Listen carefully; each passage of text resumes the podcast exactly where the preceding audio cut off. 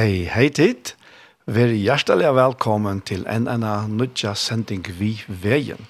Frydja der er, og vi er ferden om middag, og vi er først i Arnon, så jeg halte jeg ferdig eisne en ena for jeg sier godt nødja er.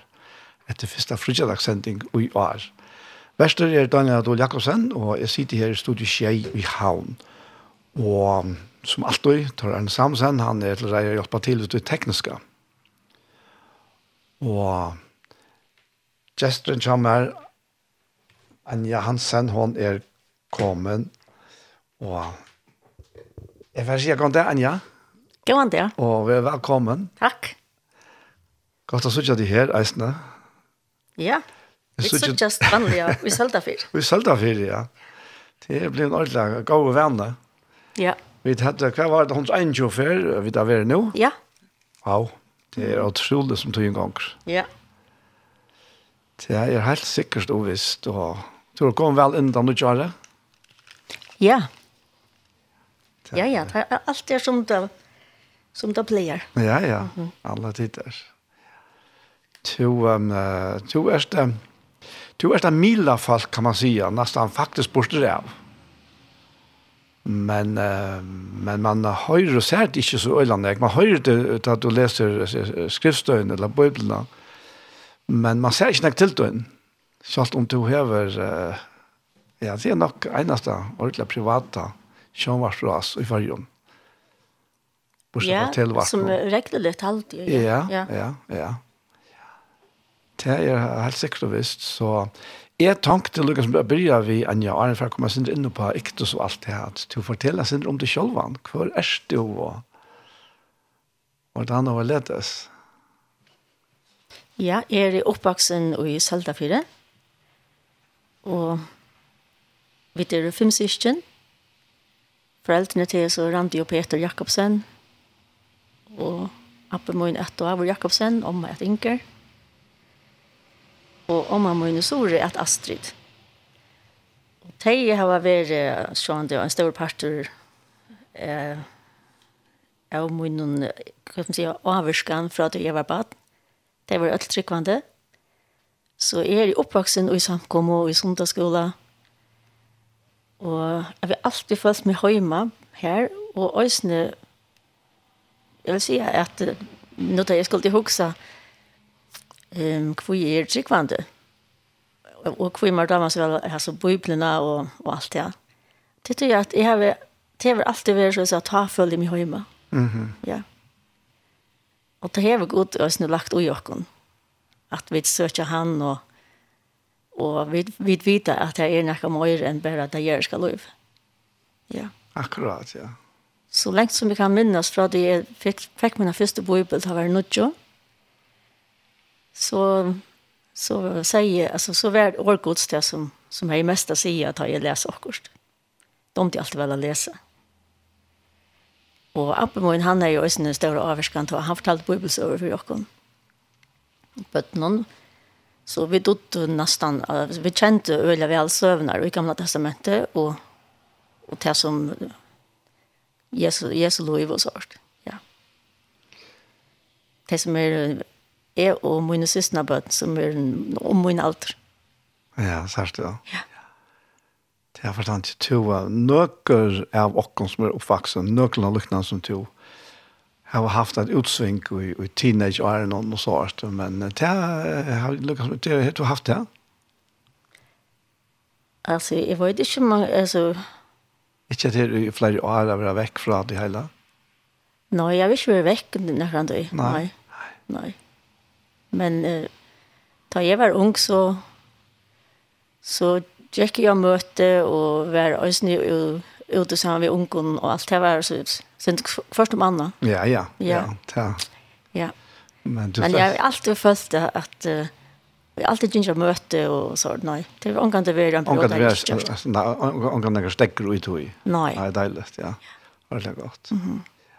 Ja, ja. Og så er det, og så er vi tog inn, så, så ble du gift vi Terja. Ja.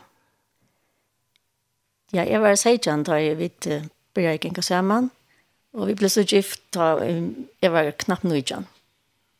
Og han er tvei år eldre enn jeg, eh, knapt. Ja. Og så fikk vi denne døtter, åtte år skjøttene, og at denne døtter, 4 år skjøttene, og en son, seks år skjøttene. Ja, så ja. Så jeg er nok så lengt i middelen. Ja. Og de, de er jo så vaksne der, skjønner du. Jeg er nå bliven Matelja, tror jeg aldri. ja. Og den eldste døtteren er 33. Ja, særst det. Ja, ja. Ok, ja. For eldre ikke det her, det var jo rett ungt det giftes da, og finket det. Ja, ja, det var også ordentlig ung. Ja. Mamma var 16, og pappa wow. var akkurat fyllt seg ikke. Nei, ikke sant, ja. Ja, særst det. Det er fantastisk, ja er er fantastisk heim å komme inn og nå kom så nekk det siste 2 2 et halvt år nesten. Mm -hmm. Og det er en, en fantastisk end man opplever det her, altså å komme inn til det kom. Nå er vi er vi i i at her er tvei ned husen om. Hva er det er steina mørk? Ja, snæje og salda for øytre og steina mørk. Ja. Ja. Akkurat. Mhm. Mm og her er det lukka som alle teknikker gonger ut fra. Ja, ja, her er serverar rom og telter og sendarar. Ja. Antenner og i. Akkurat, man kjenner huset vi ser väldigt ja. mastren ja. Ja. Nämligen. Men men det är så där tekniska, det är ju man kan nästan se ojsa kallt i seg själv. Ja. Men det som kommer från det är ju bestemt ikke kallt.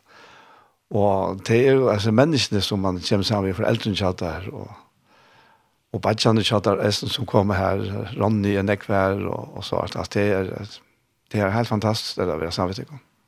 Ja, jeg har fyra yngre bortjer, og vi er alle involveret i alle til, altså ja, før sier man at her fikk man ofte bøten da man var unger, og nå er de vel eldre. Men jeg har alltid nekve fire måneder vi har altså foreldre som er yngre til at man gjør øyne en sammen. Akkurat, ja. ja. Så jeg har haft öl en felaktiga intresser och vi där vi kunde alltså hjälpt kvar någon och i alltså väldigt aktiv eller så så. Inte bara familjeliv men också intresser och allt möjligt. Så jag och mamma vi tar akkurat och ha mal och gick skola och och vi har tagit nycklarna som och fag att innanför merskonom och rockskap och skatt och så rätt. Mhm. Mm att då var det. Pappa så var det musikker og teknikk og anlegg, og så har vi pleide å lage anlegg utfor. Ja. Og høtt og kår. Han har alltid uh, spalt uh, klaver, altså, det er vidt oppvaksen vi, han spalt klaver.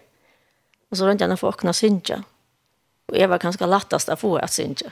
Ok, ja. Yeah. ja. Så jeg var sånn helt ung da jeg begynte synsja, og til møte eller til en fest. Og omkring av en inter, og omkring som går vidt som familie. Ja. Mhm. Ja. Og flere av sysselkjøtter, det er bare sysselkjøspillere. Ja. Ja, ja. Det har jo givet ut noe sanger som de da synger sammen, og vist og spalt av Ektos. Ja, vi tar kort også YouTube. Ja, ja, ja, eisen det, ja, ja. Det blir jeg som en hund har løtt, jeg ville bare at, uh, altså, spurte dem, tar de sin jankra felaksanger sammen med som som var ur bogen kallar vi det. Ja, nettopp ja. Ja. Ur sangboken som samkommer synja. Kjente sanger eh tar flest då. Och till till det så är det är fyra som som synja är på min och två där inkro och jag säger hon har lötne. Mm och och det är alltid så så att så så vill man gärna göra också lyssna det flott är lösen det bättre sent mer stämmer och instrument att rätt och så blir det bara så. Säg att man då tänks det så så är det inte akkurat det som som vi skulle då bara sätta och ner och så syns jag nej netto nej nej men det är stort det lukar väl öll är och ju vi tar ju ja. Det tycker det kan gå så mycket syns spela ja ja ja.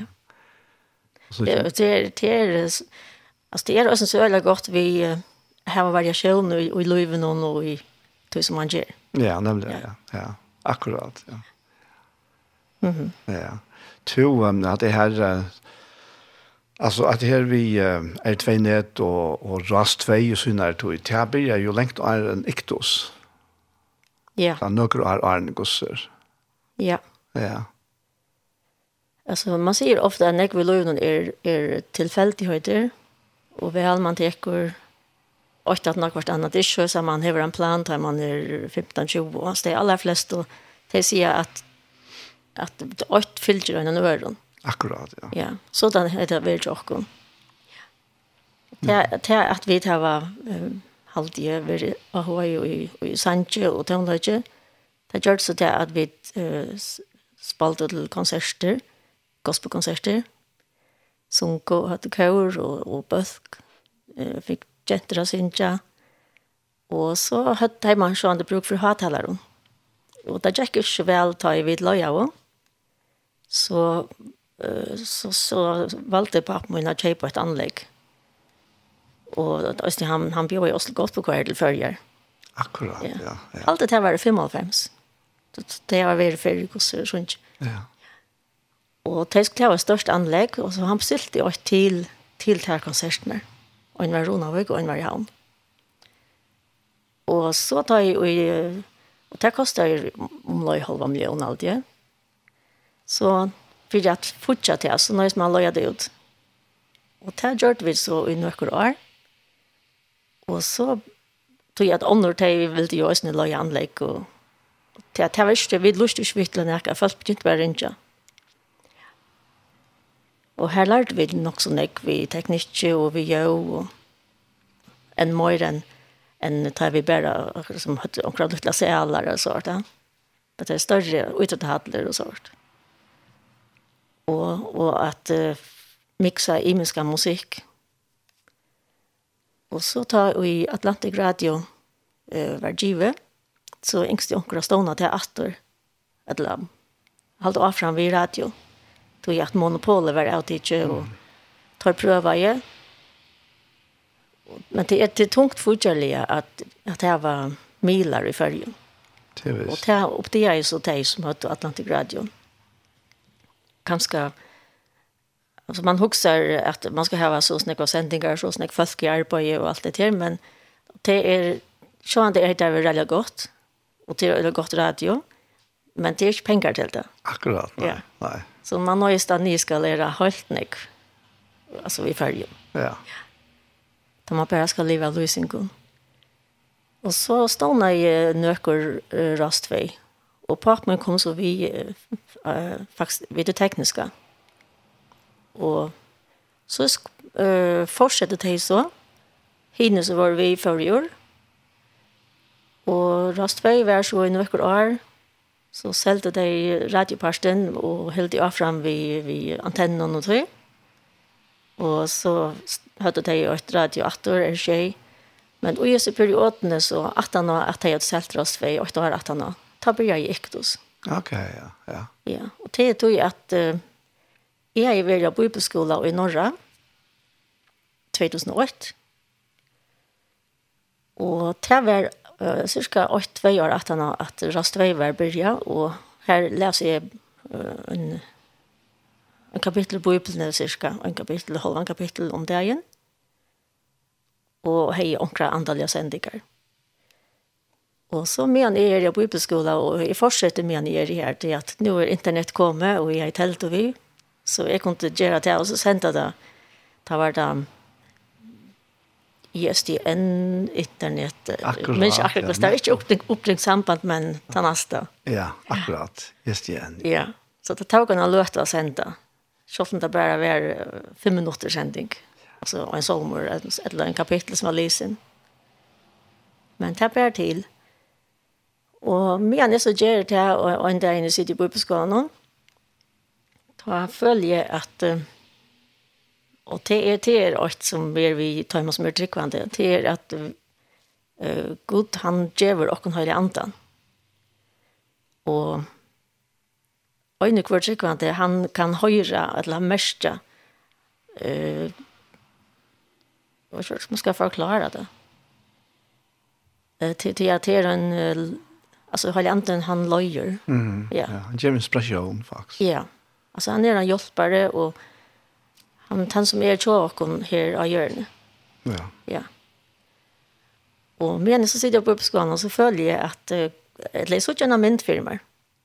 Och det är ett studio och här sitter omkring koner og jeg er ikke uppe. Sen sitter 18 men jeg var ju slett ikke jeg, jeg, jeg visste kan du kan min rolle var. Men jag sa att her var vi eh och det var kvinnor och det var att Alltså det var, det var ikke kring hver førje eller noe sånt. Det var, jeg følte det at det var en studio. og god spurt meg om jeg ville vara video just nu. Og jeg minns en som mynden sa ut. Altså det var livande, ja. Ja. ja. Og så sier jeg bare, ja, men så måste du legge det rettes. Og så håper jeg det for å gjenge nekvar. ja, akkurat tror jeg at jeg visste ikke, hvis jeg skulle tåse, jeg er slett ikke vann vidt det. Jeg har unga erfaring i tog. Mm. Nei. Nok stengt lov for å lese en kapittel ur Bibelen, og så har jeg at gjøre sjønvarsp. Men han leier alt til rettes. At han har foreldrene som er selv til rast vei, så så ble pappa min av over at uh, bytja sjønvarpsenten. Og vi tok seg, eller han tok seg, kanskje sendte godkjennel over Skalafjøren. Ah, ja, Tid jag vet att du har haft något snäck samband vi vi går channel är hukt den vet du. Jag har alltid fann det i tjej och fem så det låter rätt. Ja. Det var morgonen det blev sent. Mm. Jag kan säga. Ja, akkurat. Ja. ja. ja. Det började i sikkert i 55, men jeg oppdaget så i 25. Og jeg helt altså øyla godt. Og så jeg kontaktet Simon Jakobsen i Danmark og spurte om hur man kan stola och vart. Och i enda så vi har våra kontaktpersoner i färjan, alltså öjna dem. Och det betyder bara det att jag skulle hjälpa sig inte till hvis jag har bruk för hjälp att uh, få signal eller doa har in satellit och vart. Och så har också på att man har sänt en god channel över. Det är ju gratis. Eh? Mm. Ja. Jag ska alla fjärn, men, men i här så finns jag det kallt. Mm Og så tar jeg og til jeg kom jo, og senter kom der. Og det var i havnene og i Skalafjøren. Det var på en av veien det ble sett opp i Nølsøtene. Ja, da gjør det en større sendstø i Nølsø.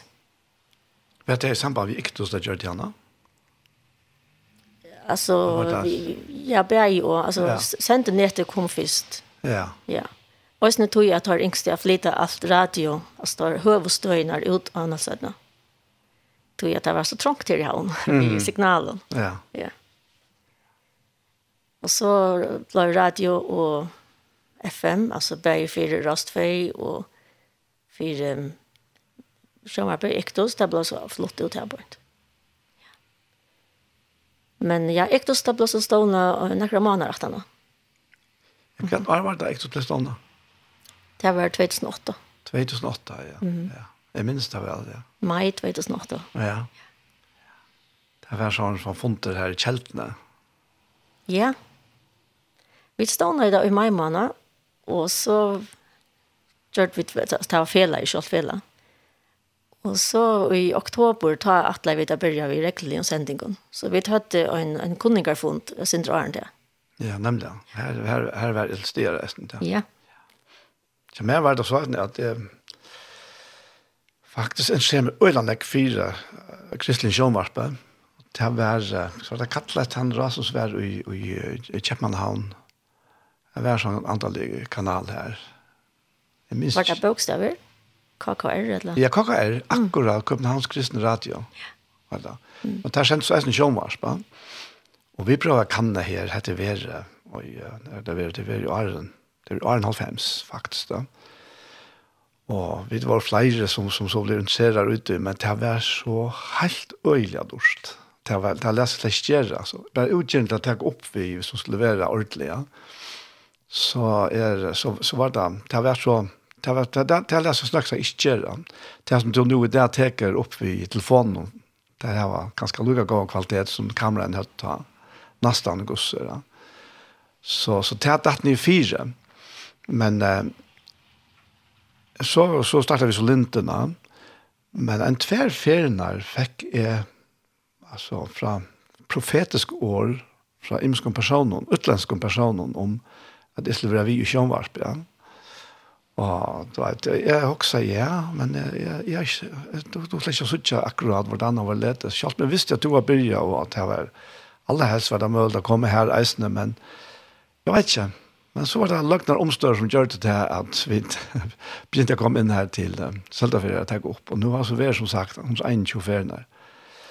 Så på en måte må jeg si at det året er så gikk ut som jeg fikk. Og det var ikke så at jeg rønte at nå strepe etter at nå skulle det til han gikk ut. Nå skulle jeg gjøre til at jeg gikk ut. Da. Men det ble så løsende så som de tver personer helt vilt fremmede fri for Norrland Hvor kvørsen leies, satt jeg til. så, mm -hmm. så det for meg var det nok spesielt. Ta så, ta så tid hadde jeg da funnet kjeltene her i, i meg siden. Ja, nei, funnet var i oktober. Han var i oktober, ja. ja. Ok, ja. Da, september, oktober ja. 2008. Han sier at det er langt ferdig, 15 år siden. Ja, tog en gang sløtt. Helt øyelig, stas. Det er det, men du har slått for at jeg kan sanke av for å prate om å gjøre det. Ja. Hva er du her som du er roast, Dagan? Jeg har alltid at uh, her du blitt Ellie her. Britt Kvaran Ellie, ja. Ja, ettersom vi nevnte Norra, så... Yes. Han synker han som heter Du er klippen, han som nekker for førjen og sin synger. Ja, vi tar han her.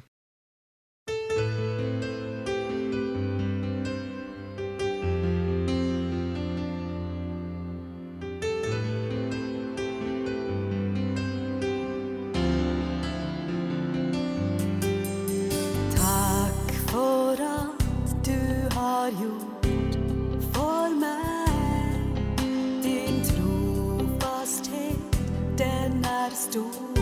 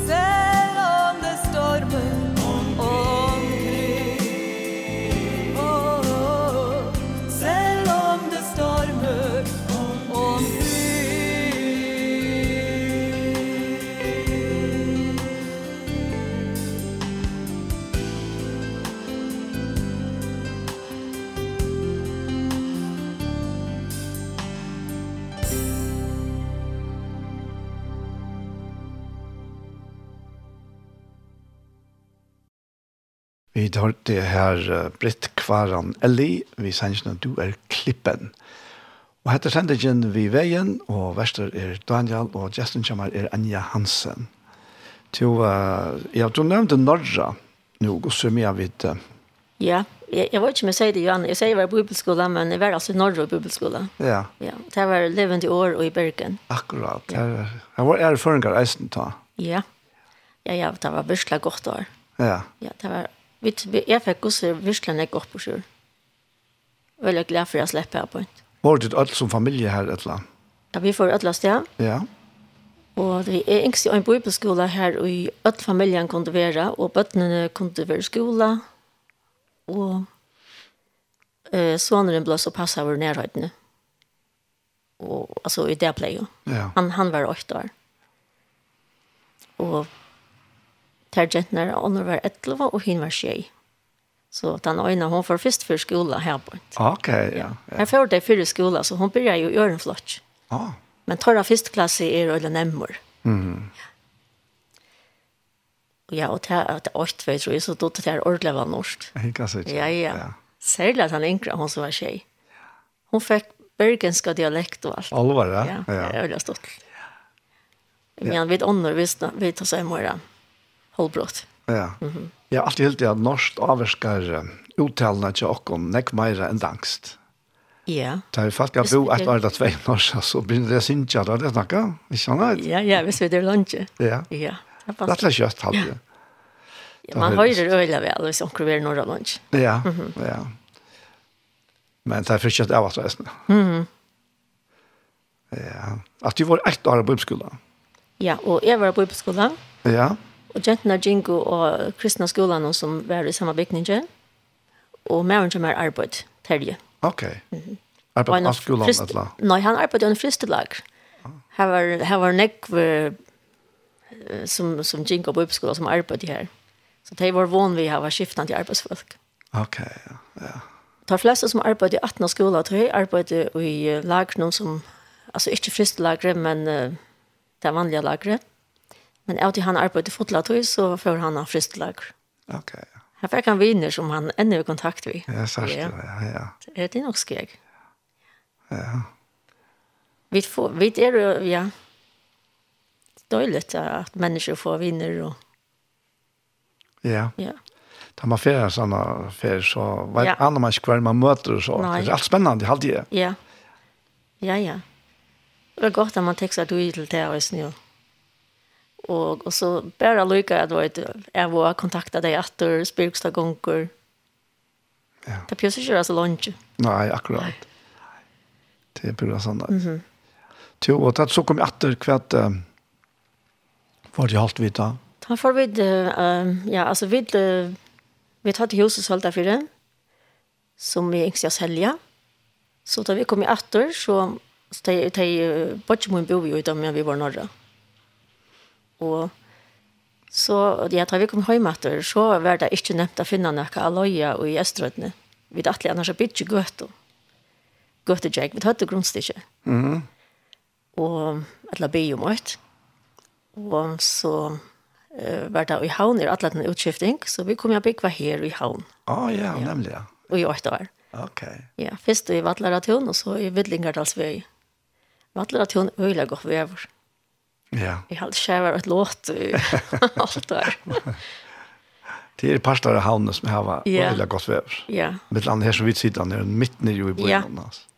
Mitt land her som vi har vært vinter alle døy. Ok, ja. ja. Store måneder. Ja, ja, ja. Men er de det øyla vel i havn? Det er, jeg tar meg ikke, jeg sier, kom hjem og bergen og så til havner, det var, det var akkurat passet litt. Ok, ja. Mm -hmm. Så man fikk kjørt kultursjokka for at gå till Jack med oss allt därför. Det er sant ja. ja. Nej, jeg var glad at jeg var i förrjun. Ja. Selv Skolte mer dem till öra på oppskolen, så langt stod det till til förrjun. Mhm. Långslen han dro atter. Ja. Kom du ha fortsatt langere på uppskolan eller? Ja, det kunne vi. Ok, ja. Ja, det gjør gjorde Rona og Hjalte og Lava. Ja, nettopp. Ja, ja det passar. Det var fortsatt, ja. Sigrun Bålstad var også nu. Eisen i hon, ja, Ja. Vi blev öliga väl öll. Ja. ja. Og pappa Bajstøyen, han kom några i alt, ja? Andreas. Ja, han var sin sättning. Ja. Så till sågs ikke her? Nei. Nei. To, ja. Men uh, ja, ja, så det var faktisk långt stund kanske som det at de ikke fortsatte. Ja. Ja, ja, mm -hmm. ja. Ja, og, og den yngre døtteren vil langt til heim. Alvar, ja. Synes spesielt at det var i ødel her. Ja, det var förrjar alltså. Ja, det var förrjar. Långt efter en ståin. och att det kände allt, det visste alla när jag skulle och visste allt ja. Men jag kom att känna Bergen ordentligt väl och, och visste också ja, det tar man så gömmer åter så lunch man allukar väl alltså åter till norra så det är sen så du och borst. Mora sundre petter du. Ja, det är sant, det är sant. Man man fäster sig inte av röten alla ställen. Ja, ja, ja. Det synder som vi er plant. Ja, nettopp, ja. ja. Det er bare godt åringt, så. Ja, ja. akkurat, ja. ja. Du får godt, altså, gode opplevelser, og du lunsj der du kommer hjemme etter.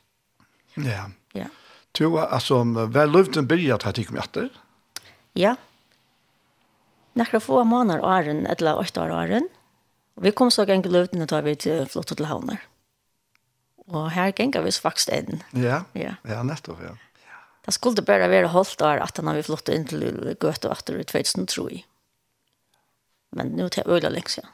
Ja, det er du kom inn for i tjoa. Ja, jeg pleier å si det. Nå var det kvøy og jeg ble hengende her til at ta jeg så ikke til å spørre i 2008, så fløy jeg her at han har.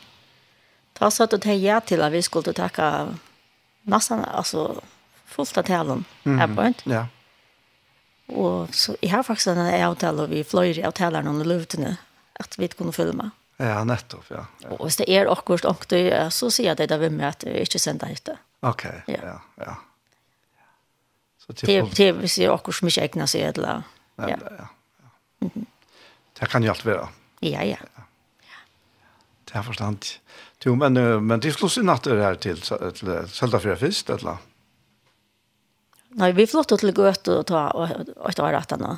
Ta enda det vi, vi kjøpte husene til foreldrene til Terje. Ah, ja, ja. ja. Terje har bygd seg en underhus. Ok. Som passer bedre til Terje. Øtlandshus. Ja. Mm -hmm. Ta det blir eldre. Nemlig, ja. ja. Og her bygger du så en? Ja. Ja. Her er vi Terje med meg og meg, og en skåshøl og i kjattler noen. Og til arbeid jo noen. Og mitt arbeid til er om vetren så underviser jeg i klaverspill og i kveldskola. Og annars så fører resten av togene til Iktus. Ja, nemlig. Det er for veldig at du tar var Ja, ja. Det, det er lunsje. Altså, vi takker opp i og terje. Så det er ikke, som du sier, Johanna, at da vi begynner jo, at folk kan skal sørge mye ikke nekva skjermen nå. Men da vi filmer, så er vi til nekva stjerne. Og jeg pleier alltid å si at, at jeg er veldig heldig, tror at jeg kommer og så nekva samkommer i følgen, og jeg tror vi så vel alle stedene. Altså, det er simpelthen så stort til å komme rundt alle stedene, og alt er å lykke, faktisk. Ja, ja. Vi bottner rundt. Ja. Altså, jeg har jo akkurat det samme evangeliet og det samme, som at det eh ja, det evangeliska hjärta det såg jag alla stan. Mm, ja. Akkurat, ja. ja. Fast vittna inte om blå frälst. Sinja Sanger som har samma innehållt. Det är alltså jag är mest ordentligt den samma anden. Mm. Ja. Och att vi det då en familj. Ja. Ja. Och det är verkligen tutning att vi det ja. är vär vi till. Ja. Ja. Ja, jag føler meg ordentlig hjemme alle stedene. Ja. Ja. Ja, deilig. Det er ordentlig godt. Jeg minnes mm. første før du varst i evangeliet nå. Ja. Da sier du nemlig med meg at han har møtt. Her føler jeg meg virkelig hjemme. Føler meg lykke så hjemme som i stående til meg selv, sier du. Ja. Jeg har alltid at det var ordentlig hundaltøsene i evangeliet nå. Ja. Ja, ja. Det var sånn latt å komme inn. Ja. Ja.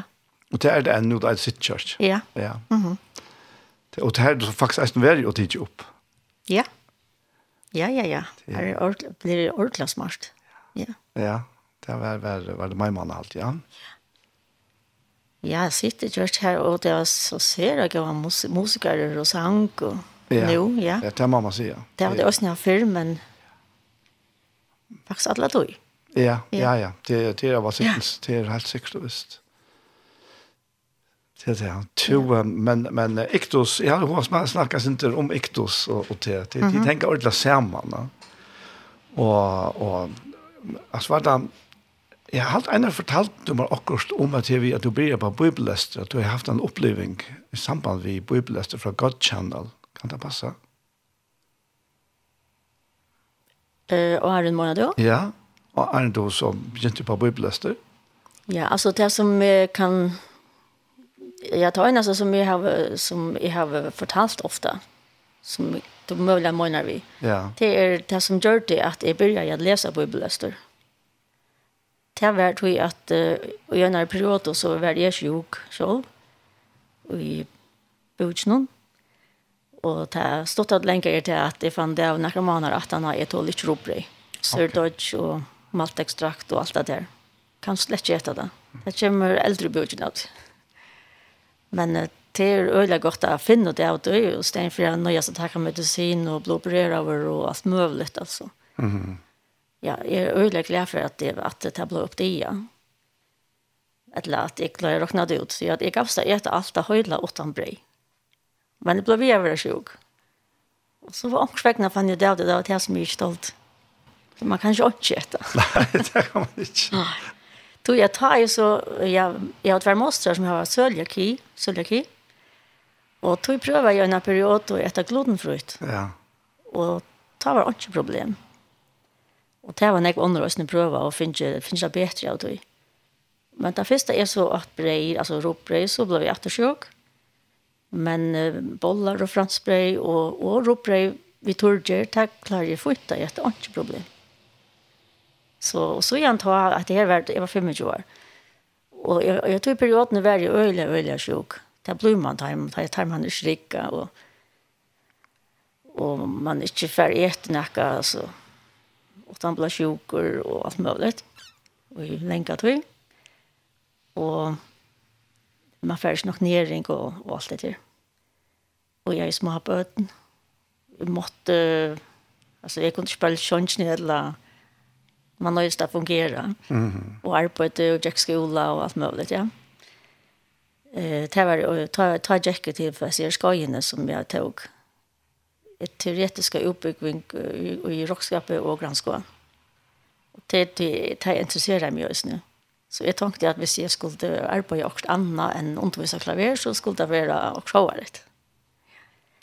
Och Og en dag da jeg var særlig et eller fire, så hørte jeg jo i utvart noen, og i vingeren noen, oh, ja. at Victor ja, Karlsen leser en solm. Akkurat, ja, her ja. var det, ja. ja. Og jeg var slett ikke nok for solmer der. Nei. Men det var, altså, jeg minnes bare hvordan utrolig godt jeg gjør det mer av høyre til ja. opplyse. Og ja, jeg, jeg var ikke, jeg husker ikke at jeg skulle følge det at jeg hadde nækket. Det radio var slett byrja, det byrja ikke for en 2-3 år at han. Men ta jeg så papp med spurte om jeg vil gjøre noen antallige sendinger, så var det her det første jeg sier. Ok, ja. Jo, jeg kan lese en salm om det dagen. Ja, nettopp, ja. ja. Og så tenkte jeg at salmene var litt nær, hundra og salmer, at nå var folk med oss salmene, så tenkte jeg for å lese overtøkene. Og så ble det bare til mer og mer i Bibelen. Ja. Det var ikke tog jeg at jeg lese alle Bibelene til at jeg ikke. Men du Men leser rett og slett av parstavene? Ja, nå er det blivet til omløy 40 prosent. Ok, ja. Ja. ja. Det det det som er helt ägnas till radio. Här är det flere bøker på öppna som också tunkar och kanske synter eh torskilt. Inte noe som man som så lustar efter. Og bare bara radio. radio. Ett om. Ja. Krönikbok till nästan bara ett halvår. Ja. Det er sikkert ikke allt läge och gjennom kristne ras, men det er väl en kommersiell radiostö. Mm. Så jeg är helt själv att det egnet seg ikke helt oppenbæringen, det er helt hun var for ekvislig. ja, akkurat, ja. ja. Men henne er jo godt kunnet lyse hvis det var et, et kristelig radio. Ja, ja. ja. Nemlig, ja. Det er også vi at, at uh, ja, jeg følte at jeg følte hendra, ja, og så, og, og så skulle det, det skulle passe til det som det var. Du vant ikke å høre oppenbæringen at du tendrer kommersielt rad. Nei, nei, nei, nei, nettopp. Nu har vi det så här at uh, ja. just testamentet vill läsa. Är ja, ja. för växtsatöjning, är för dalsatöjning. Ja. Och tam bantar man nämligen. Ja. Är när kristna är Nettopp. Ja. ja. Här ska man höra allt. Ja. Ja. Akkurat så. Och är vi alltså i åren yngst att vi var flöjre som lås så. Men det är skilja att det är tugarkrävjande och man ska ha mikrofoner och utgöra att redigera där vi. Men där vi är någon så, så är det lättare att få fötter Ja. Utgör och nu är det öjlan som har podcast och sånt. Så nu kom det analysen. Ja, nettopp. Mm -hmm. Ja, ja. Men det är nog en ösn också vi copyright. Alltså och när det.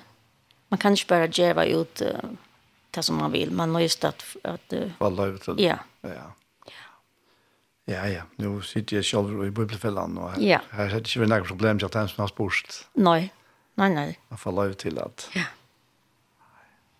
Det er det. Men du som, du blir ju som vi bor i ja, men så blir det inte och lövten som instrument av rulliga parster. Och sen det går inte oss.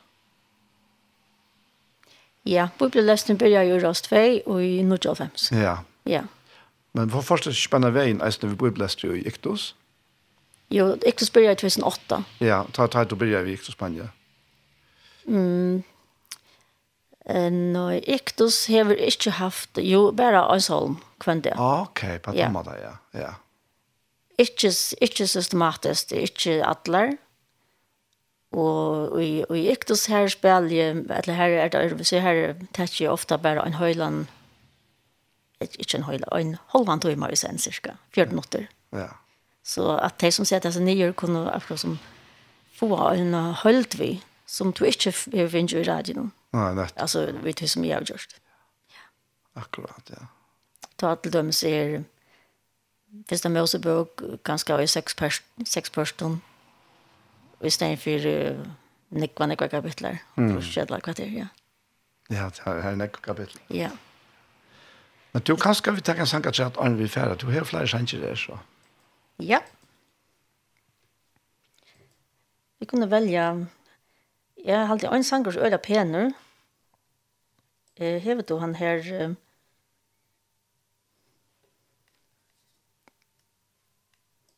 jeg vet ikke om du, jeg vet ikke om jeg er bare. Jo, han er bare og jeg kunne lese lært. Ja, bortrenna det er. Ja, bortrenna det er. Ordentlig pene sanger. Ja, vi tar han her.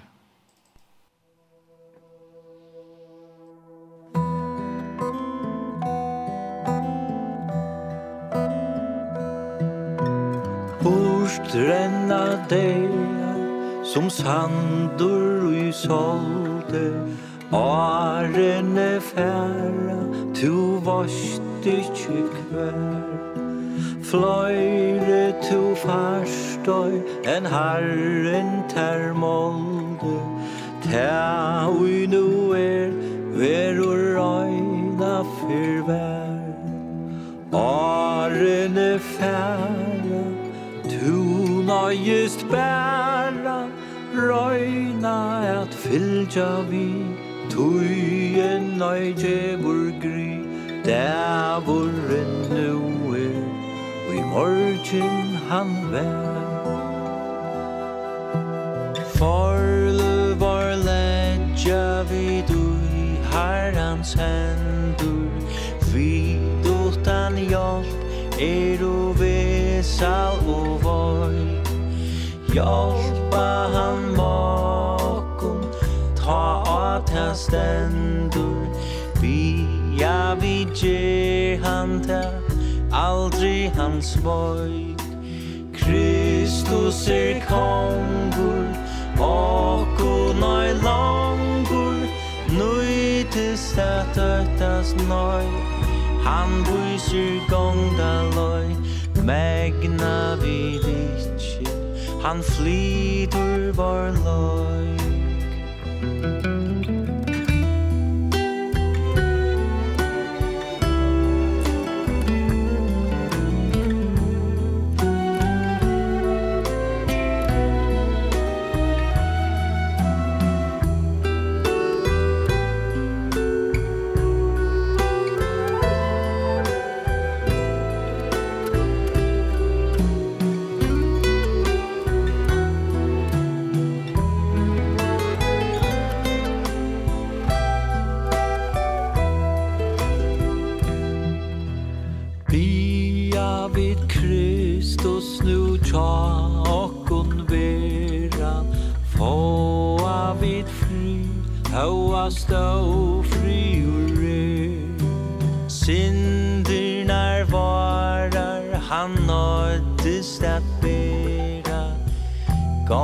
at bragde nu frals och unge Skulde nøy longur A okkun hongur Okkun han kjepte fru. Vid nu og atla tui Skulu hai öttast Og i kvoss og sof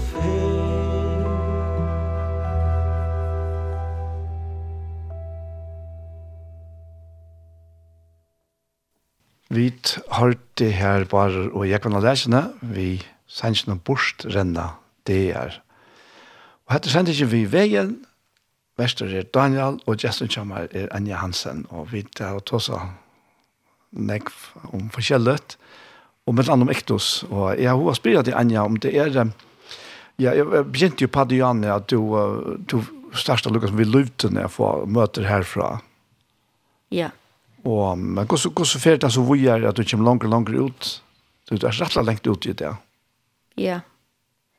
Eh, det var, altså, i 2002 flyttet vi til Førjer. Atter. Og til Havnar, og jeg fra Engeløvdene. Og i 2008 ble jeg giktus. Så det er seks år atterne. Og da er jeg tar jag sånt att kommer känna tälarna här öliga väl och så rätt. Och ta jag så ikt och spyrja jag.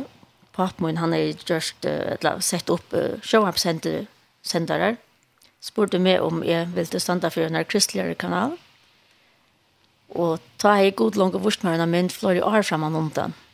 Her han spurte meg om jeg ville arbeta vid sjönvarpen. Mm. Og jeg sier, Janne at jeg visste ikke at jeg skulle standa for det. gjennom nækka. Jeg visste bare att jag skulle lotäcka og og i helt at det är första doa og sånt da. Men till så vars nu at han att det var så många jag skulle være uh, han som intervjua i eller alla hejarna sending eller noe sånt. Og til at til till det er vi versk som är lökle røyer, det där trykk vi er fullt fast på at uh, de som er trykkvande, at god däcker verkle røyer, det ständer i Bibelen. Ja. Ja. Og det har vi så uppleva i munnen och eh, og nek, nek vi mer, for ikke å si ødel. Man skal, jeg pleier si, man skal bare ikke gå utan om. Nej, nej, nej. Ikke ble vi gjøre en undan og si nøy, og mer til at selv om man ikke tårer, så, så la jeg god dere og styr i sen. Ja. ja. Man skal ikke endelig huske så nek om, uh, ikke huske for den fram. Nei. Slett ikke, Nej. Nei. Jeg lærte oss leie av honom. Ja. Ja. Og så uh, iktus er øyer ikke i det, eller vi øyer om unga vanga nått nekka, tog at det er ikke akkurat jeg heter uh, øyer alt mulig og, og lån og, og sånn nekka.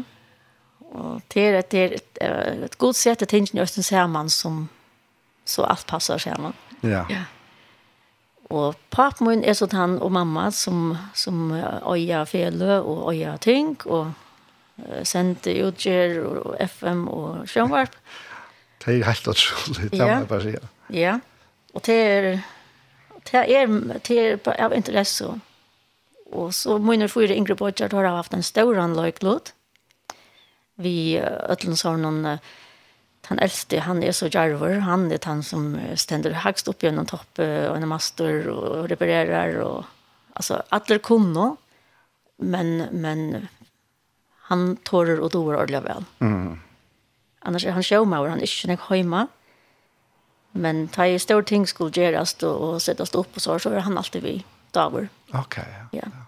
Og Jan, da ser jeg han er også nå, og kan, altså, jeg tror, tror øyne vel vi, vi uh, hardware, altså telton og, og ta i ting skulle kjøpes, da finner jeg hva det smartest, og, Og Ronny, han er så vær teknikere, og då er alt mulig program. Ja, det er det mest til. Ja.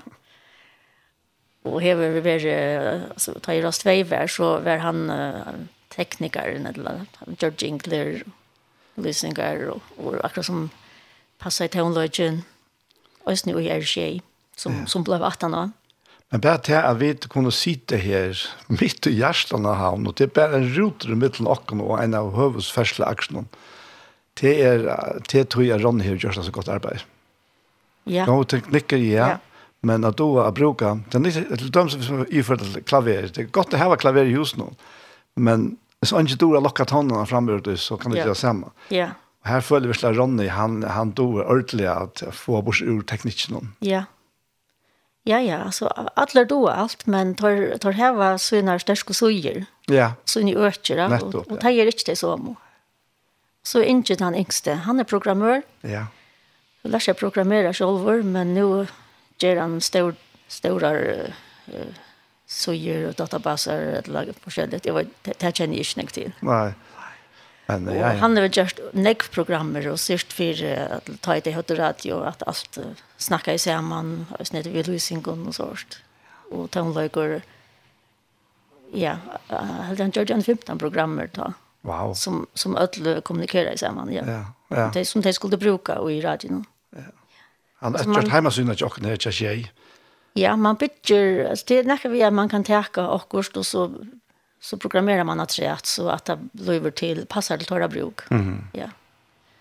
Och så när han dör och ni att ta i och skalle vi och center eller och visst det ska programmeras så är det väl ofta han som för in och finner det av menyn och något sånt. Ja. Ja. Två bokstäver.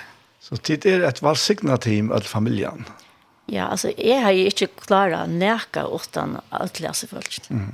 Alltså familjerna eller nu är det tillfälligt familj att jag kunde akkurat det samma vi vi andra folk alltså som var sett samman. Ja men jag kan säga det samma att jag med är familj men jag har inte kunnat just vi tjej där eller några av oss utan vi tar till här. Ja. Allt som Jo jo, det är samstar har vi så ögonen jag vad säga. Ja. Ja. Att man häver omkring.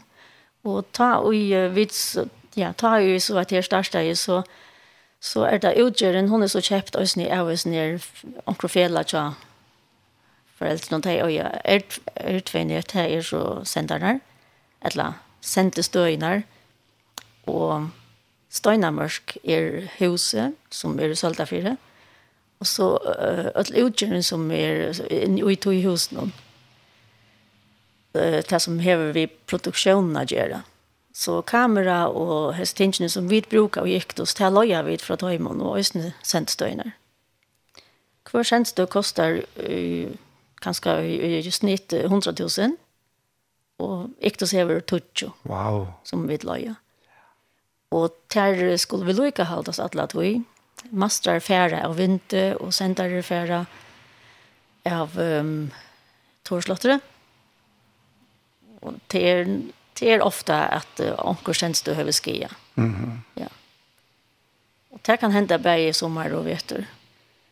Och ösne ett alltså då det tänks tänks lutast och tänk blåa gåmol alltså omoderna gäller ja, ja. eller snacka smör tamal som nu är tog in och sånt ja så det är det kräver ölen vad att ha allt kyrant Ja, Og at sett Øtland her ikke ikke så har vi akkurat på samme måte vi skjer.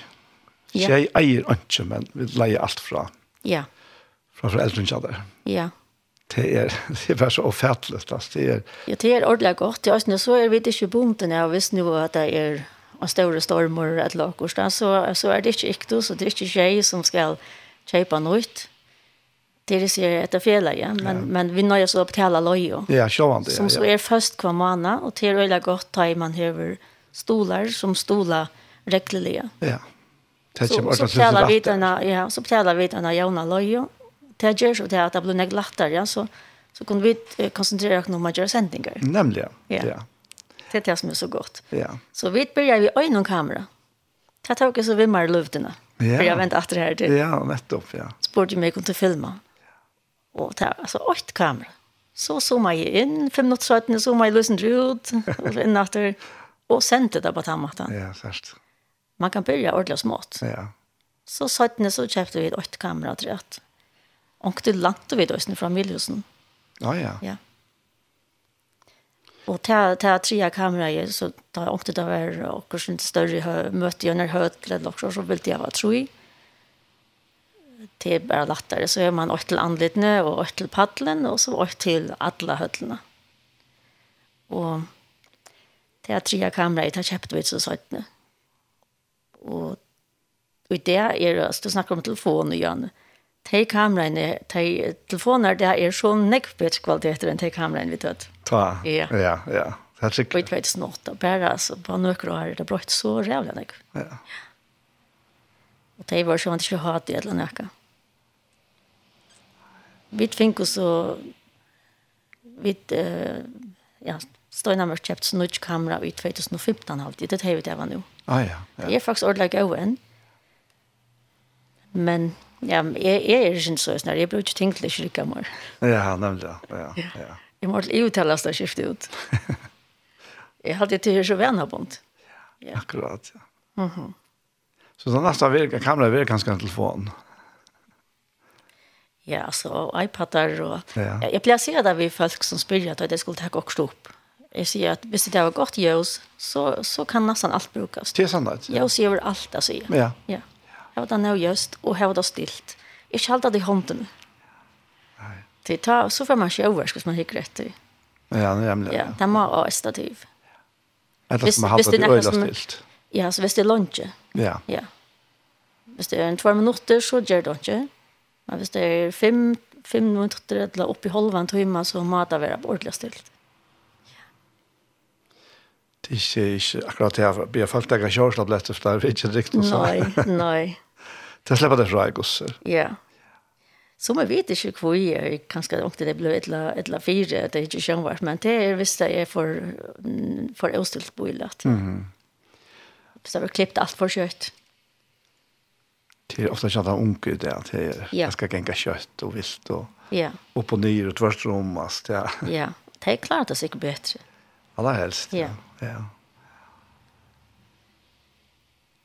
Ja, men det er, det er at versen er løg til røyer, Det er, det er det som jeg trykker vi på og, og alltså jag god signar och jag huxar inte det att alltså visst jag huxar så så vet jag det är eller bunten. Men man vänjer vi vid allt. Ja. Ja. Det är att alltid har en deadline. Och sen om man där inne att, att det är som att de har ett störst, störst projekt som de skulle göra, akkurst, som teker ett år eller två. Det kan gott vara ett press. Så tar man er det ikke kanskje et daglig press at det skal være litt uh, nå og neste vik og, og så. Men jeg vet at jeg i leng, langere tog jeg skal jeg hette skal være litt om åkt være. Ja. ja. Så mer er det mer så at, at ting blir litt og alle tog. Ja. Altså det er en opptøkker og så skal en sending gjøres.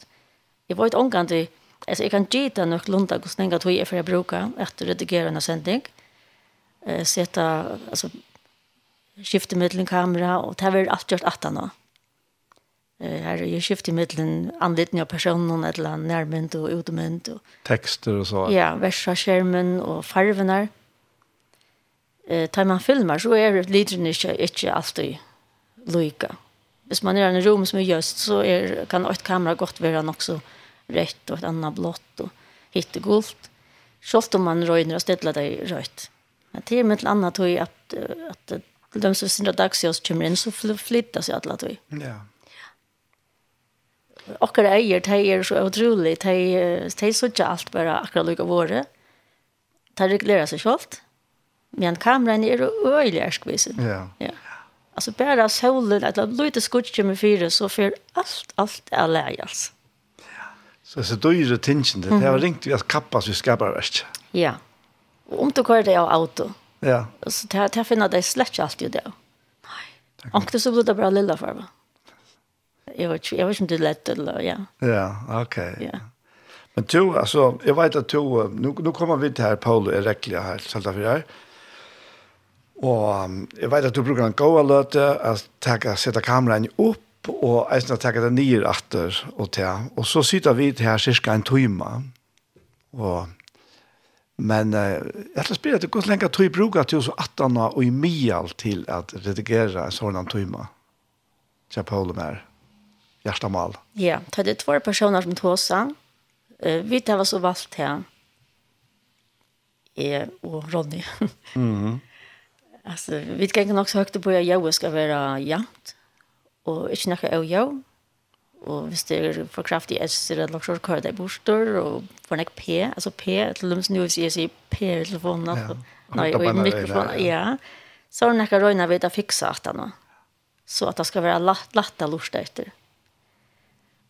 Og tar det två personer som tog seg, så er det eh, sånn nek langere enn det bare øyn.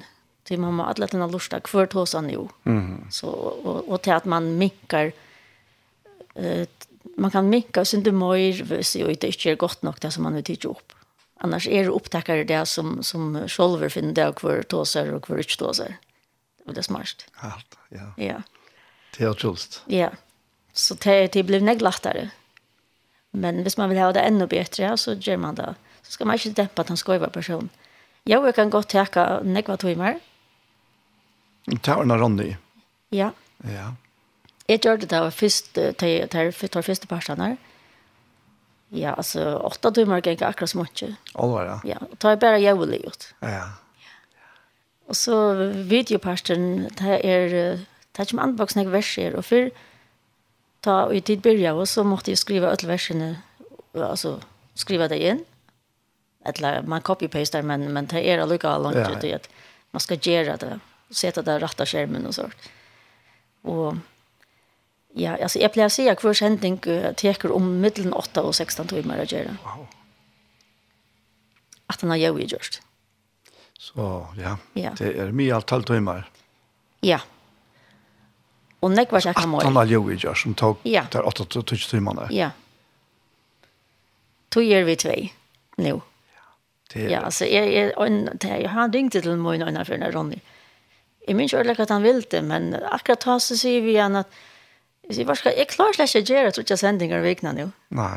Han bjør seg til å hjelpe meg med jorden. Ok, ja. Ja, det er det ble vi ordentlig glad for. Ja. Men jeg sier det igjen, jeg tror jeg, jeg, jeg, jeg er på nästa høyner nå, for det var ikke god. Eller i morgen også.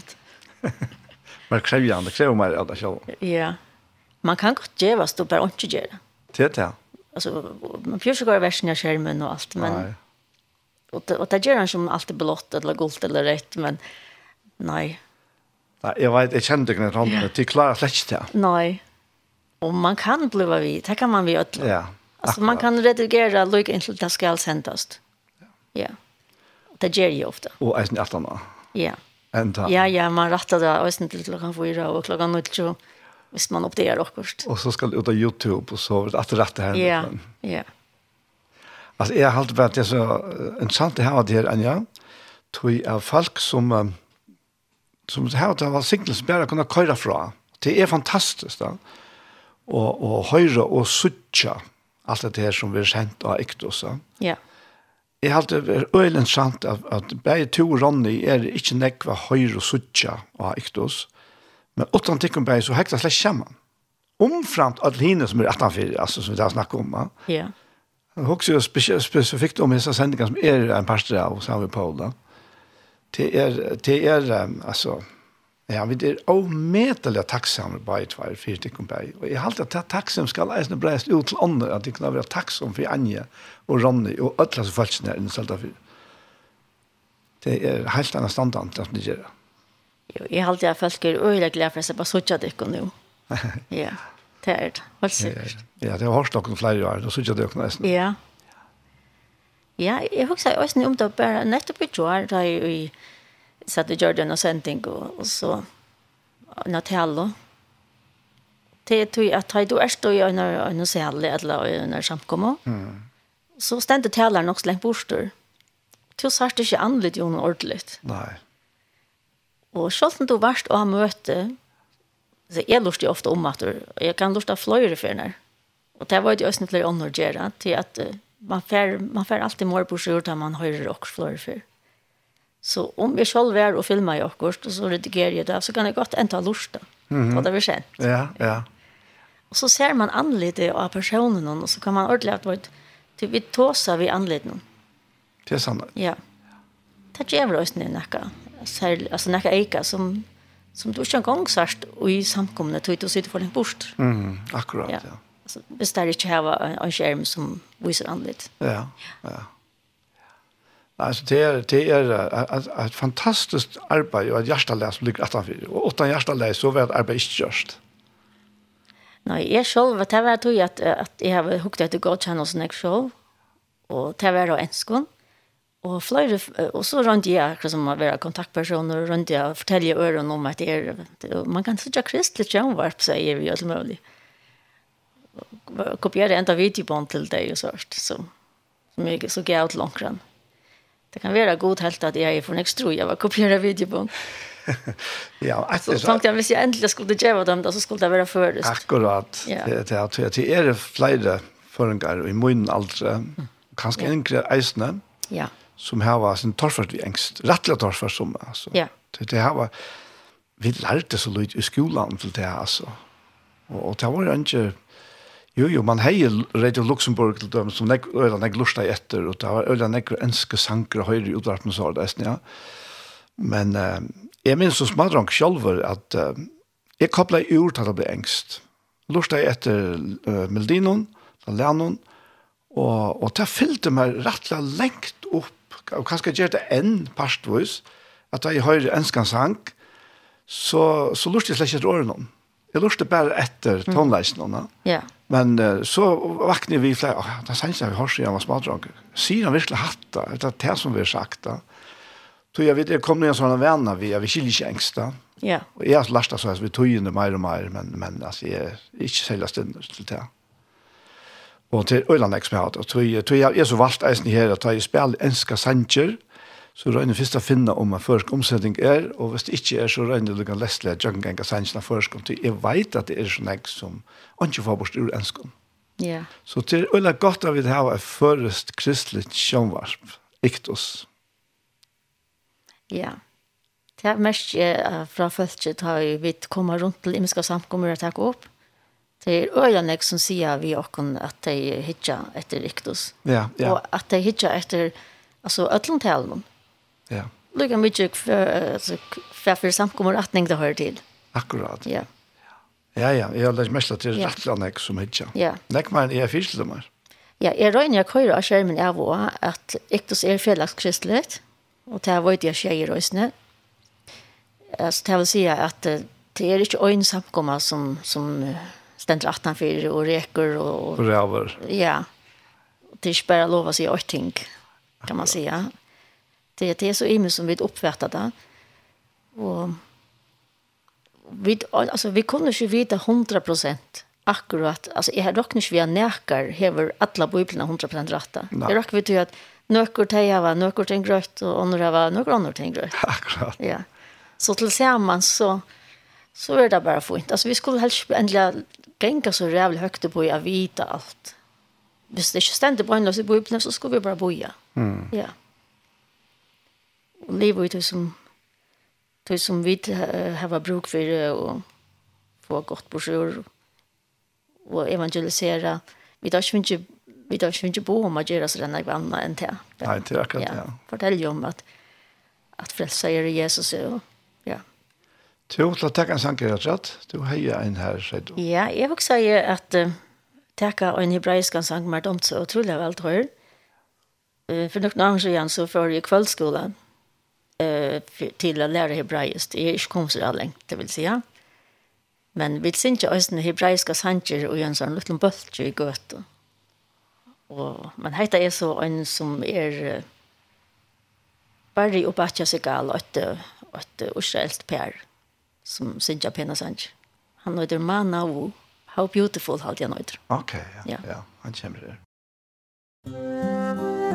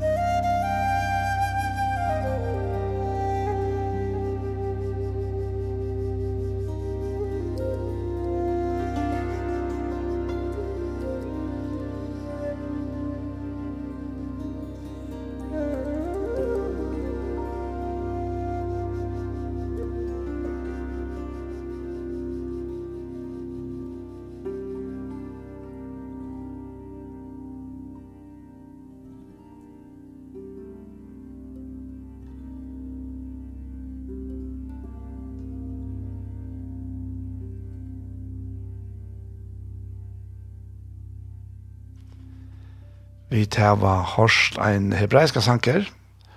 Hvordan var den kattleist, Anja? Ma Manavu. Manavu. Stå parentes, how beautiful. Ok, ja. Jeg er ikke ordentlig lia lærer meg hebraisk den. Nettopp, så. Så man hadde vært virkelig beautiful og lust etter. Mm -hmm. Ja. Hette er så sendingen vi veien, verster Daniel og gestekjammer er Anja Hansen. Til Anja, i samband med Iktos, så har du vært som nevnte, eller som du nevnte, nekvån i muskene sammenhengene. Men du har ikke folk inne til å ta opp. Ja. Imske personer som har bæg av tala og har ganske samtaler og så videre. Ja. Ja, det er vi tar mest stående stovål fra følgen som uh, er, altså, jeg pløst omkring at bya lova meg å filme langer. Ja, altså, vi mangler ikke tilfelle, vil jeg si.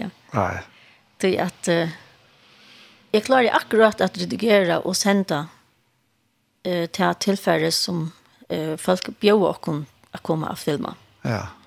Og her er det personer som er og trofaster at rinja eller skriva til oss, som er ordentlig godt. Så faktisk har vi flere reglerlige eh, møter eller tiltøk som vi fører til. Eh, som vi har nevnt, løvdene av flere før, her har vi Virnek og Øsny Elim, i Saltafire. Her har vi også finnet vidt at vi er alltid velkommen. Og så er det personer som Paul Johan Djuros. Han sett seg fire helt i begynnelsen at han skulle ha vært hele reglerlige og giktos. Akkurat, ja. Og han ferast nok som jeg, så akkurat nå i sånn at det ikke vel lykke jeg, men, men han er også vidt til møter her vi er ute til dems og svenning av loftet. Svenne har fløyre for å bjøre oss til Helma, Helmahuset. Og ta i vidt vise møter herfra.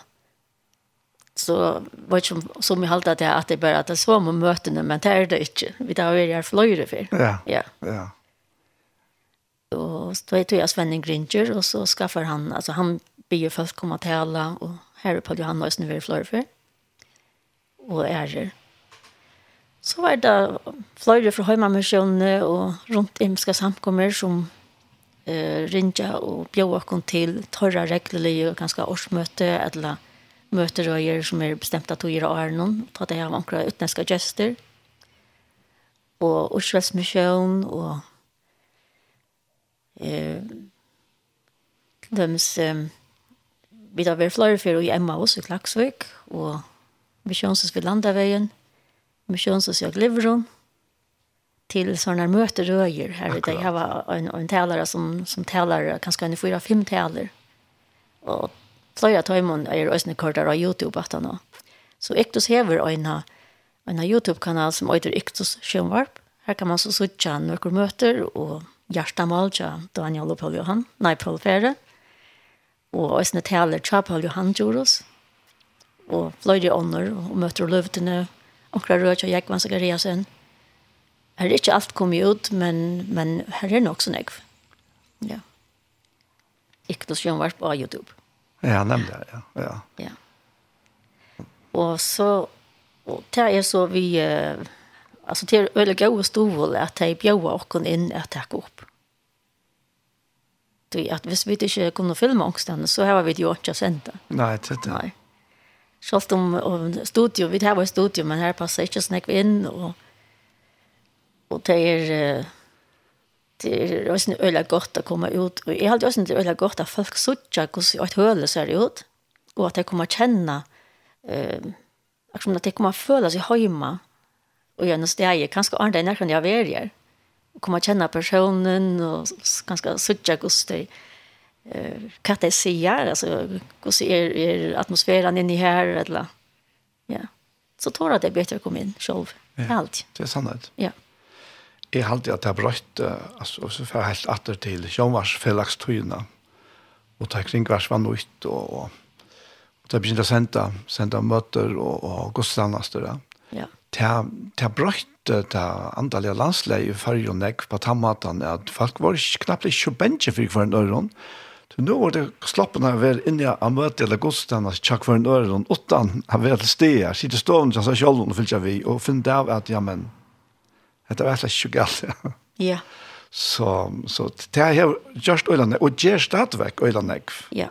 Vi och utan vi akkar också om det så vill vi speglarna flott nærre kvar en öron stein fyra att färra frak en dörren så kommer vi närmare och närmare till det kommer ju att han det över att skulle vara samman. Ja.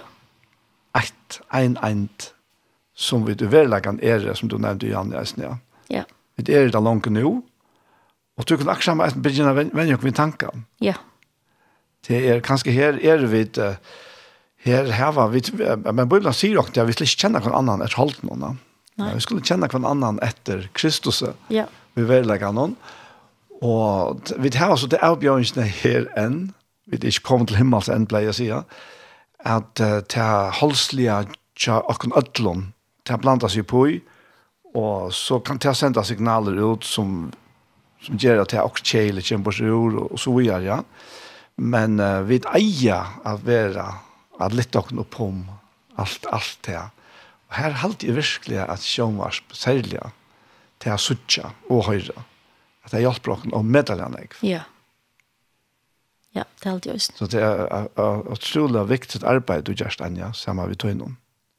Helt sikkert og visst. Og Terje, som vi jeg kanskje ikke har snakket så nek om nå, Nei. han er ordentlig bak kulissene, men han tenker nekkmøter opp. Ja, han er så å si alltid vi. Ja, ja. ja. Ofte er han ønsom adler. Uh, til at uh, vi er jo sånn, altså, vi må ofta døy okkur sundur. Ja. Ja. Og òsne tror jeg at orskan er ikke til. Hvis jeg har sitt og ja, jeg arbeider ofte alle nottene. Og så tar jeg sover, så kan han føre og filme det neste tiltak. så du nok at jeg nesten natt. ja. Ja, altså det er at jeg vil svøvne. Det er til oss nekka som, altså god void hva han veler.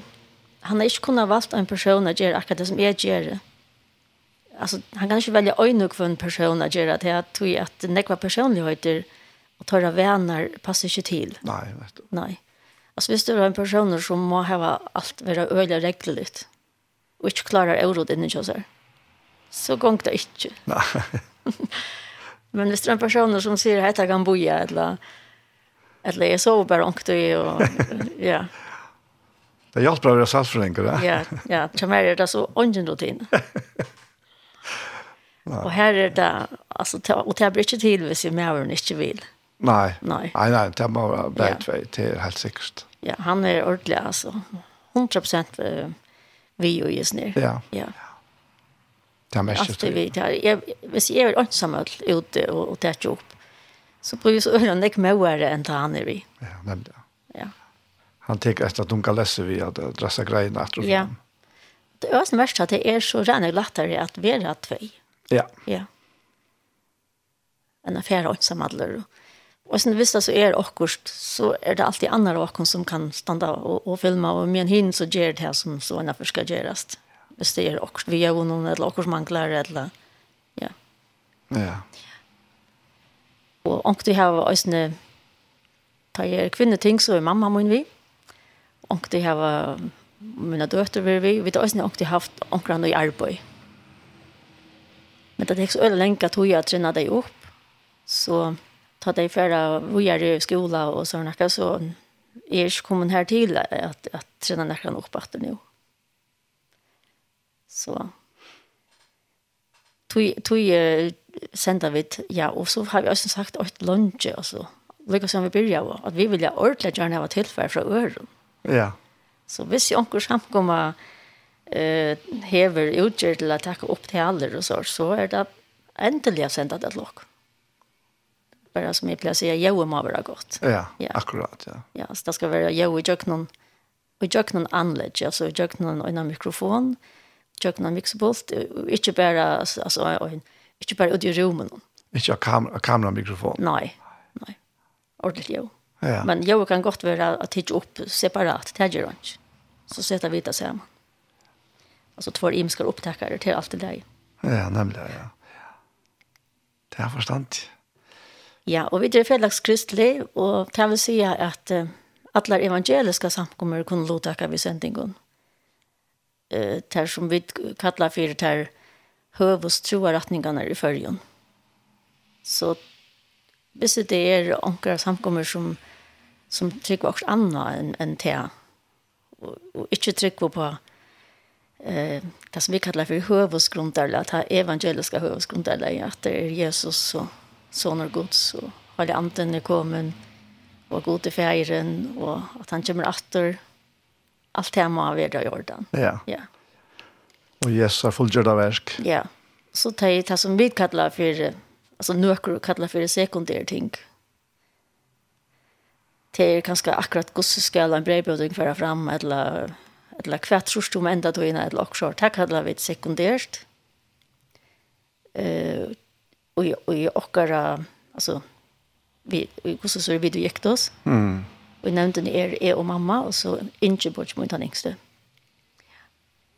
Så har vi valgt at, at, gjøre, at være felleskristelig. Ja, ja, det er godt, ja. Ja.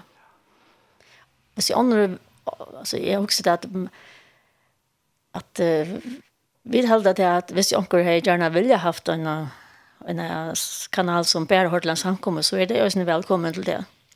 Ja.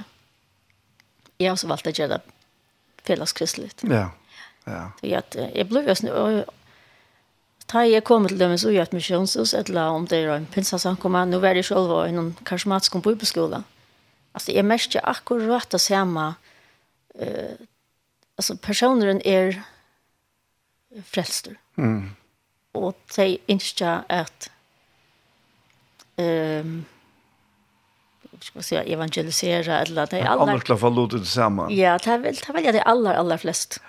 Og ta halte jeg vi må arbeide sammen. Det är alltid gånger inte nå skött. Hvis vi skulle lukke alle samkomnar som ikke er lykke som vi. Så har jeg evangeliet finnes stor attersti. Ja. Jeg halte vi tar bruk for ødlån. Ja, altså Paulus han han sier jo selv at er våren øtlån alt, da. Ja. Her sier han med annat at han er for det som er under lov, er han som en som er under lov, tog at det ikke er under lov, bare lov Kristus er, da. Ja. Og for det som er utan lov er han eisende, altså, du vet, han är, hva er det grunn til, sier han? Jo, for om han kan vinne nøkker. Ja. Ja. Ja. For evangelia. Ja. Så han, han leser. Han var jöte. Ja. Og det var ohorst att høytninger skulle Alltså han la efter ödlon som som tror vi örvis än han. Akkurat. Ja, och det var alltså judadomen. Ja. Ja. Farsier. Och så tror han att Jesus alltså Jesus visste sig för honom så han är ju ganska snacka väl. Säg hur förfällt du mer. Ja. Och och ja, han blev ordla bråten. Han blev blind tror jag det är.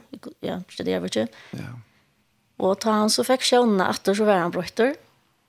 Og, og jeg vil si sjøvnene som han sa. Og han, nekka sattene så fikk han en oppenbering fra god. Og som så brøyte hans er lov ordelig. Og her han var i bostad om at han var setter at bæra evangeliet til høytninger. Mm. Og jeg var ikke om vi uh, hvordan størst det var. At uh, Först förföljde han om kristna som var ganska jödakristen. Eller jød, jöd, vi kallar det nu messianst. Tryck på Messias, att Jesus var, var son Guds. Och så för han och, og blev ordentlig kontroversiell selv, og för ut til høytningene. Men ja. alltså, hvis vi förstår lagarna, vi tar omkring det hörsta därför och, och vi tar ganska liva som han en höjtningar i Israel. Och det kunde gått tryckva och ha god. Alltså, det, det, god är alltid tidigt mot höjtningarna. Men det var allikevel innenfor jødadomen. Et eller. Uh, god var god tja høymon, at det var hans folk. Og så nu har vi finnet vidt at det at vi har akkurat det samme parst og just nere som jødene er. Ja. ja. Og i frelsene. Ja. Og så fer han utvis nere gav og tog ikke noen. Og det og jeg vet jeg ble ordentlig glad for. Ja det är rävliga størst. Helt sikkert mm -hmm. visst, ja. Det är, alltså, det er, ja, ja, ja som du sier, vi, vi tackar ofte, vi er ju født oppvaksen, vi ödlas ned, så vi tackar det ofte som bare som givet, ja. Ja. Men det är en, det är öjland ekvar processer och mekanismer som ligger attanfyr allt det här som är, ja. det är, religion og stinker så rævlig djupt i människan, ja. Och han är, han är öjlig att färg holdt vi, alltså. Ja. Så Paulus, han, han blev ju själv, han får. Ja tog at han var fann av fylgja Jesus. Ja. ja. Og Jesus er, han er ikke ødel å komme til søgna. Så han er en stor firmynd. Han gav, han gav alt opp. Ja. Ja. Fyre som det stender i Efesus 3.8. Han sier, tog bodje er knømøyne, og ta hos jeg at det er i bøn.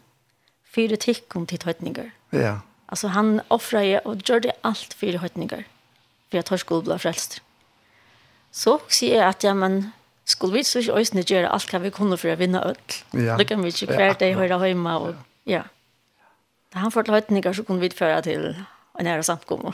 Nettopp. Eller folk som ikke ganger samkomme. Ja, eisne. Ja. Ja. ja. Gjøre, gjøre hva vi kunne. Ja. Ja. Og da han sier i samme kapittel i Efsos tror jeg at, at enda målet her er at fortelle oss at vi alle kunne vi være arvinger til rydgjegods, og at Kristus vi trunne skal bygge gjørst om tikkere. Mm -hmm. Og vi skulle komme og kjenne Karlaga Kristus. Karlaga ikke ødelser. Ja. Han får vi fra god. Hvis man tårer trykk det. Ja, ja, mm -hmm. akkurat. Så hvis det er satt, så er det fantastisk. Ja. Bibelen sier det er satt. Og vi tar oppleve at det er satt. Ja. Vi tar var tro og finnes suttja, sier ja. Petra. Ja, ja, og til akkurat her høyde anden kommer inn. Ja. Vi kunne ikke forklare for de øynene som vi ikke tror enn. Hvordan vi kunne vite det som vi vet. Tog at det er ikke uh, menneskelig, det er ikke bare, altså det er ikke gjørest et eller annet. Det er, det er uh, antallet. Mm, ja. ja. Bibelen sier vi får holde anden, inn i oss. Ja, det er faktisk for forfattakt året si even naturligt. Ja. Men det er andalet. Og all natura kommer fra det andalige og pronalige. Ja. Fra det kjønnelige, det er ikke sast. Da. Og Jesus forklarer det selv ved noen årene som han sier at det er født av noe. Ja, ja. akkurat. Så hvis jeg øyne ikke tror det, så er det at jeg ikke har opplevd det. Så det er ikke noe som vi bidder dere inn til, det er noe som vi er, vi er enterfødt. Altså det er, det, hele anden er akkurat som kommer at bygge i dere, og det tror vi er så sikker som vi er. Ja, ja. nemlig. Det tror vi føler dere så høyma tja god. Ja. Vi tar hva det er, året, Arman kommer inn i salen. Velkommen heim, her yeah. Church. nemlig, ja. Og det er akkurat det. Ja. Velkommen heim. Ja. Heim til Hansara. Ja. Yeah Om det så er en eller annen samkommet til kyrkjen, ja. det viktigaste er at dere hjerte er kommet hjem til henne. Ja. Bibelen sier det selv. Det som stender i, i nekvån så har noen heften som er lærere for det. Bortsett og like om noen hjemme til herren. Ja, nettopp, ja. ja. Men langt her er det kjenner man er hjemme. Ja. Du kjente noen ut der, da. Ja. Som du sier, Janne, det er jo hele anden som, ja. som gjør det her. Ja. Djämunen. Ja. Ofta halt jeg folk glömma at akkurat han parsten. Ja. At det er han som er alla månaden.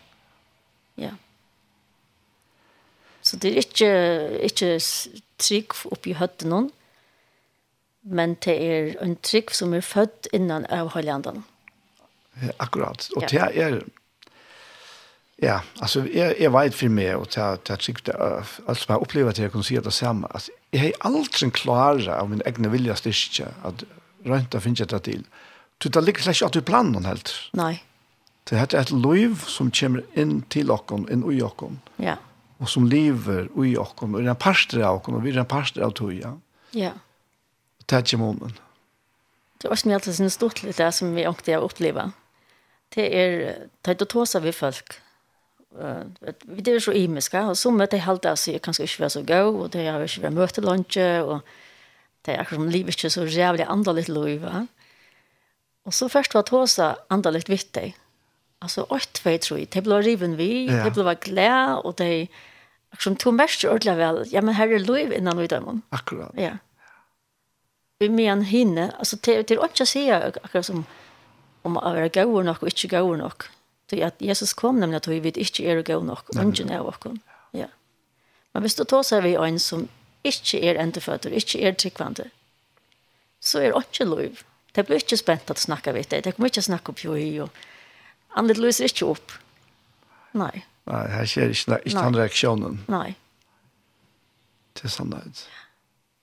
Ja. Det är så fantastiskt stort att sitta och så kötta era få alltså att få att det löve ur en person att söka löve en person. Tror jag att det hela anten ut om och inte går till själva eh mäkna så ett löve eller så alltså är det är svårning är du inte för att lätt ja. Det är Guds verk. Ja det är fullt och helt hans verk. Ja. Og han bjør åkne å være samspillere, sam, ja. samverka folk, samma vi honom. At, ja vera vi til at vi sjølve, sammen vi hånden, bytja bei okra loiv opp, og er vi til at bytja ånder opp eisne. Ja. Ja, han rønner at samna seg rett folk. Han hever ja. faktisk, ja. og i Kristus. Ja. Og enda mal er så han får gjøre alt nytt, og det, ja. det bor vi så etter enn. Spennende. Ja. Jo, Anja, jeg tenkte på at uh, spyr om du ikke kunne begynne bøn. Ja. Nå til endans. Ja. Ja. Og kanskje vi tenker til her sørste sannsyn åren, og så, så enda vi bare vi bør natta nå. Du har en sang her som du nevnte. Ja, jeg, tror, jeg kan nesten bare bygge åren, og ja. så enda vi ved sannsyn. Ja, det kommer bare. Jeg har alltid at sangren til sangren til samme her, som øyter Jesus Herre låser ver. Ja. Og jeg har alltid anpasset veldig vel vidt det som vi akkurat snakker om nå. Akkurat. Ja. Så så vil jeg bare takke for det at det var Joa. Ja, men det är er som tatcha. Det är er som tatcha, Anja. Ja. Og det er godt å ha det her. Ja. Så vi lyckas vi nästa av bøn. Gå Jesus, jeg tack dig for at uh, vi tar hända möjligheten att kunne ta sig vid folk. Og vi kunne tjene til her. Tack dig for at du ger oss frelsene. Tack dig for at du inser at första och nästa människa ska komma att känna till. Och du har givet oss denne frelse. Og Jesus ønsker ikke at det som han gjør det skulle være til åndsjøs. Han ønsker at ødt skulle bli frelst. Og det stender i Bibelen at du sier selv at du ønsker ikke at nekker skal fortepes. Nekker tappte jo så åndjen. Åndjen av hjørnet skal fortepes, men ødt skulle komme til omvending.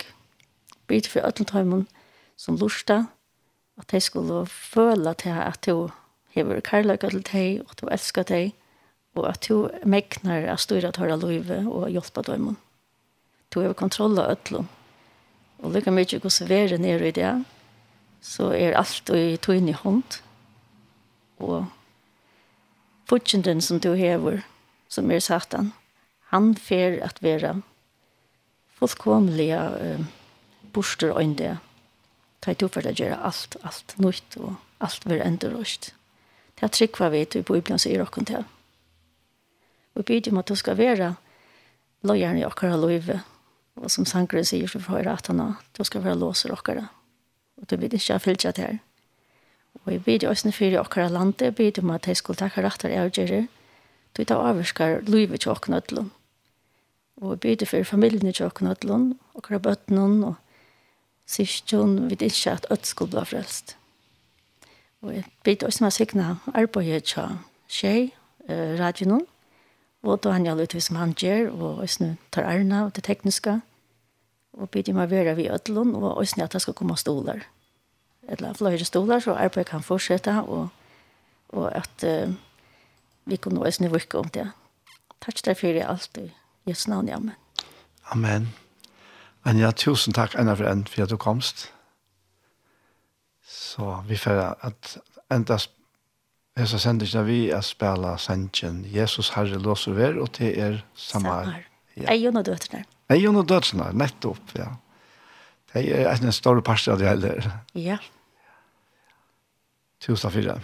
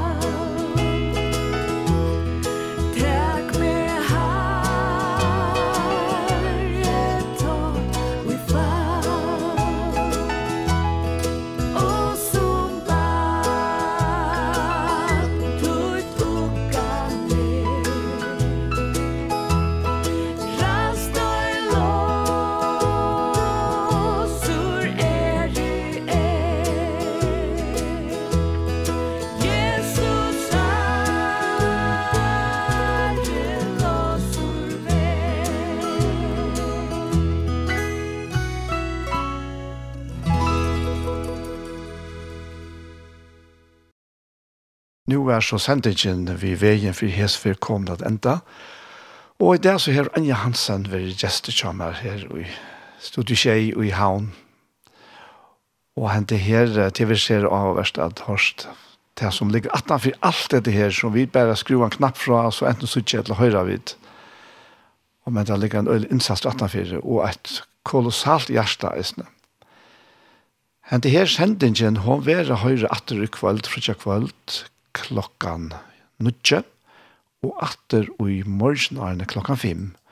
Så etter er best å si Tusen takk for Jesper, og ha var godt og valgsikna vikskiftet.